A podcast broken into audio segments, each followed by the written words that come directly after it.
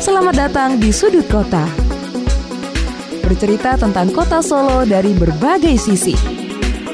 Sudut Kota di Beyond Plus.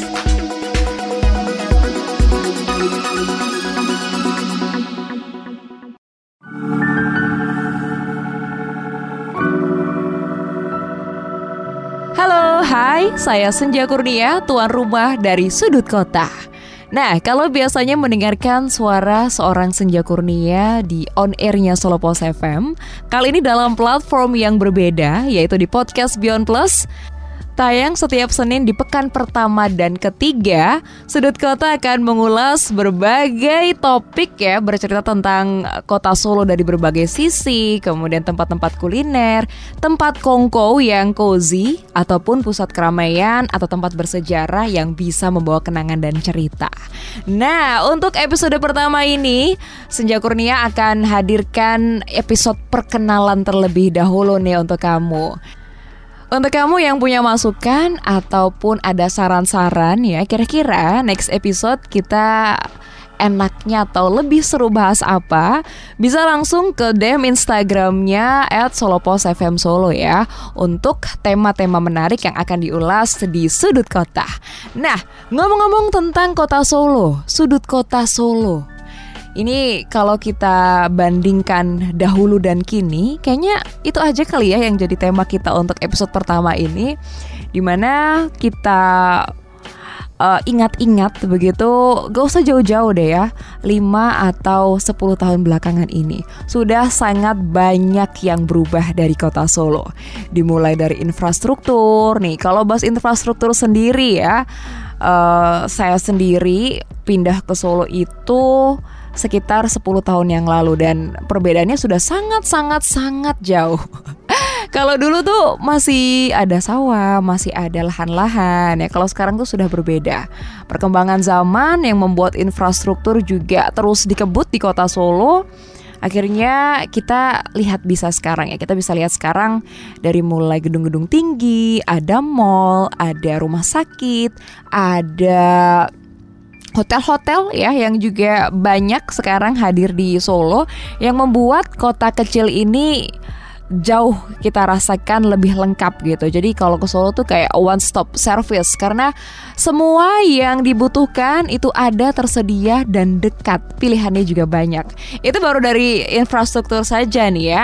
Terus yang berikutnya adalah kalau kita bahas seputar tempat nongkrong. Nah, ini nih. Siapa nih dari kalian yang biasanya tuh kalau ada saudara atau teman jauh atau uh, ada kerabat mungkin gitu yang dari kota luar, yang dari luar kota Solo, kemudian main ke Solo, pastinya yang pertama ditujukan tempat-tempat nongkrongnya mana sih gitu ya. Terus habis itu jajanan-jajanan yang kekiniannya tuh apa. Nah, kalau membahas tongkrongan Solo dahulu dan kini, ini semacam kemajuan kalau bisa kita bilang gitu ya. Karena kalau dulu perbedaannya adalah tempat nongkrong ada, tapi tidak sebanyak sekarang ya. Jadi kayak tempat ngopi, kafe itu mungkin bisa dihitung jari dan hanya di titik-titik tertentu misalnya di daerah belakang kampus gitu ya. Daerah UNS atau UMS atau sekitar kampus yang biasanya banyak tempat-tempat nongkrong. Tapi lihat dong sekarang ya.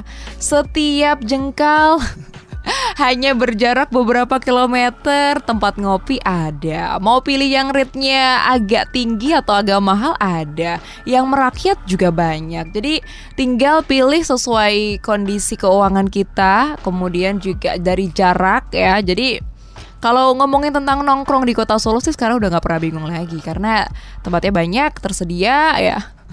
Mungkin ini juga menjadi hal uh, berbeda gitu kalau sebelumnya ini kan ada ya tipe-tipe anak gaul gitu yang kayaknya tuh harus banget selalu nyobain segala tempat yang baru. Jadi kayaknya kurang afdol gitu, kurang gaul rasanya kalau belum icip-icip atau nongkrong di tempat yang baru. Kalau dulu sih masih bisa ya, karena kan masih sedikit tuh, masih sedikit. Terus juga uh, punya spesialisasi berbeda-beda. Jadi kayak misalnya kalau mau ngopi khasnya di mana, kalau mau nongkrong uh, di angkringan modern di mana. Tapi kalau sekarang rasanya kalau memang harus mengejar setiap hari mau nongkrong di mana, harus nongkrong di tempat yang baru, rasanya tiap hari berarti nggak makan di rumah ya karena nongkrong terus. Ada gak sih dari kalian yang kayak gitu nih? Karena ini juga jadi daya tarik tersendiri gitu ya untuk Solo nongkrong nggak perlu mahal. Kota yang nyaman dengan biaya hidup yang murah.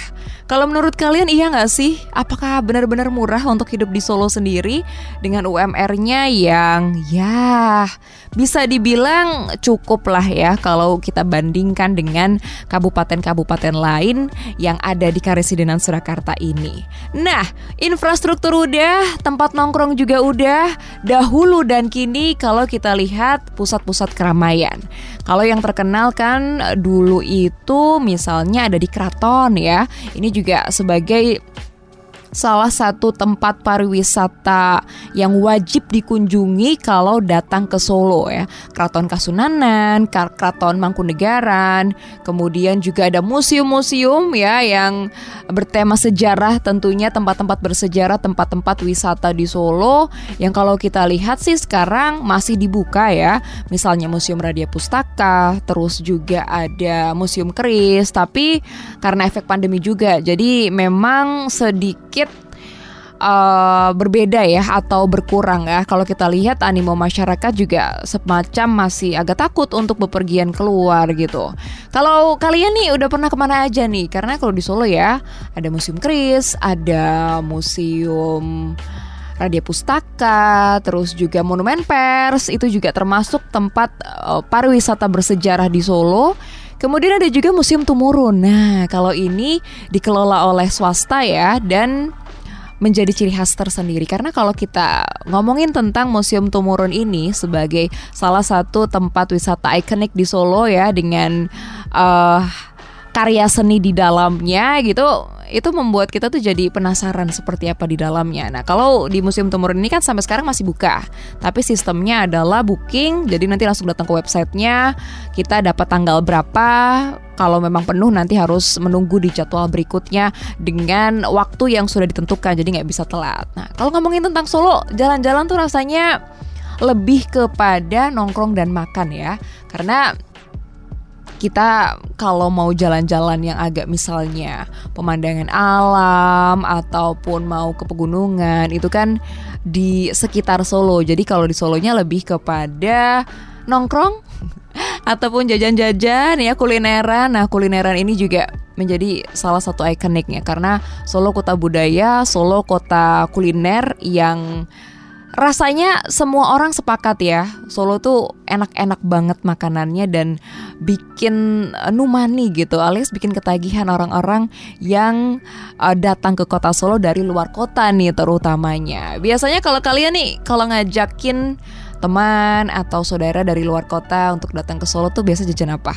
Kalau yang terkenal tentunya apa ya nasi liwet ya. Kemudian sal solo ada bistik kalau kue-kuenya ada serabi wah pokoknya banyak banget. Dan itu tadi kalau memang kita mau datang ke tempat-tempat yang sudah terkenal ya atau legend itu bisa. Kalau yang biasa aja di pinggir jalan itu juga bisa. Dan gak kalah enak juga.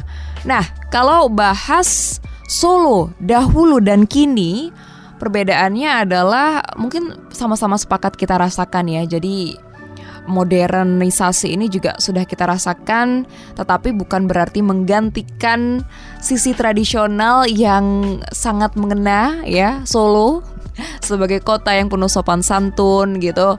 Eh, bagaimana bahasa kita pun ada beragam ya untuk berbicara ke orang tua, untuk berbicara dengan teman sepantar.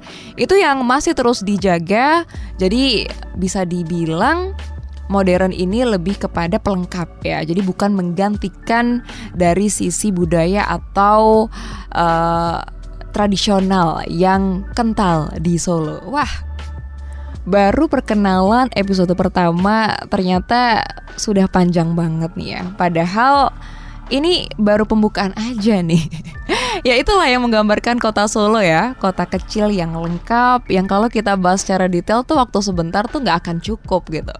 Oke, jadi nantikan episode-episode berikutnya dengan tema-tema menarik lainnya di sudut kota hanya di Beyond Plus. Tell the truth.